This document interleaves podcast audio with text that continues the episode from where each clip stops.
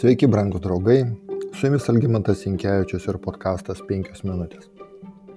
Izraelio tautai galų galę atvykus prie Kanano sienos į Parano dykumą viešpas tarė Mozį, skaičių 13 skyrius. Siūsk vyrus išvalgyti Kanano kraštą, kurį aš duodu izraelitams. Pasiūs po vieną vyrą iš kiekvieno jų protėvių giminės. Kiekvienas jų turi būti giminės vadas, viešpaties įsakymų Mozė išsiuntė juos iš Parano dykumos, visi jie buvo vadovaujantis vyrai, taip izraelitų. Pakartoto įstatymo pasakojimas sako, kad savo įsakymų Dievas atsakė į mintį, kurią jau turėjo žmonės.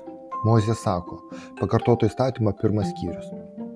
Tada atėjote jūs visi pas mane ir sakėte, pirmą pasiūskime vyrus, kad išvalgytų tą kraštą ir parneštų mums žodį apie kelią, kurie turėtume eiti, ar apie miestus, kuriuos pasieksime. Sutikau su jūsų pasiūlymu ir parinkau iš jūsų dvylika po vieną iš kiekvienos giminės. Šie dvylika žmonių, kaip skaitėme, žvalgų, nebuvo paprasti žmonės. Tai buvo Izraelio giminių galvos. Natūralu, kad jie turėjo tam tikrą autoritetą tarp žmonių. Jie netrukdomi vaikščiojo visame Kanane. Iš pietų į šiaurę ir atgal nešėsi to krašto vaisius ir atnešė Mozei 40 dienų trukusi pažadėtos žemės, jeigu taip galima pasakyti, tyrimą.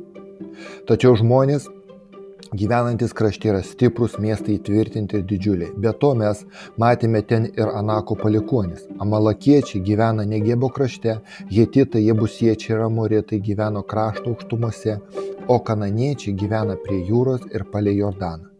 Kalebas nutildė žmonės murmėjusius prieš Mozę tarė, keliaukime tučtojau ir užinkime jį, nes tikrai galime juos nugalėti. Tada vyrai, kurie buvo ėję su juo, sakė, mes nepajėgsime tų žmonių pulti, nes jie už mus stipresni.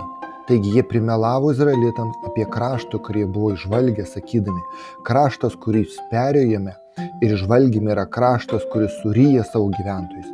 Visi žmonės, kuriuos ten matėte, yra aukštaūgiai. Skaičių 13 skyrius nuo 28 eilutės. Tai nebuvo toks pranešimas, kurį Mozė norėjo išgirsti. Dešimt prieš du išsakė supratimą apie situaciją, kad žmonės neturi jokių galimybių įsikurti Kanane. Be to, šie dešimt žmonių pradėjo skleisti, kaip sakoma, rusiškame vertime Biblijos blogus gandus apie žemę, lietuviškame vertime sakome griežtai, jie primelavo. Hebrajų kalbos žodis yra verčiamas kaip šmeištas. Jie pradėjo sugalvoti melą apie Kananą ir skleisti jį tarp žmonių, jie kalbėjo.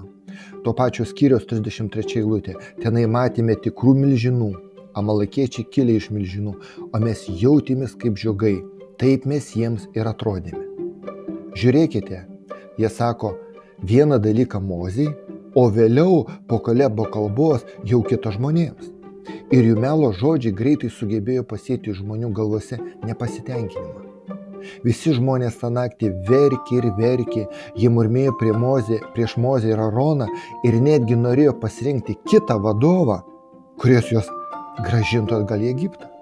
Jų neįtikino, nebeveikė Jozuės ir Kalebo žodžiai, kurie taip pat pamatė Kananą, kaip yra nie dešimt, ir pasakojo, kad ši žemė yra labai labai gera, o jo žmonės nėra tokie, kokie anie dvylika arba jie patys įsivaizduoja.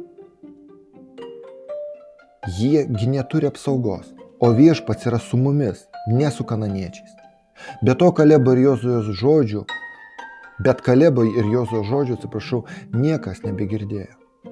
Visa tauta nusprendė jos amžinai nutildyti, užmėtyti akmenimis.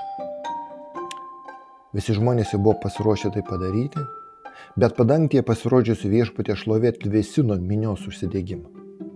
Būtent šis įvykis pakeitė istorijos eigą ne tik Izraelį, bet galbūt ir visame pasaulyje. 40 metų. Vienerius metus už 12 žvalgų Kanane praleistų dienų.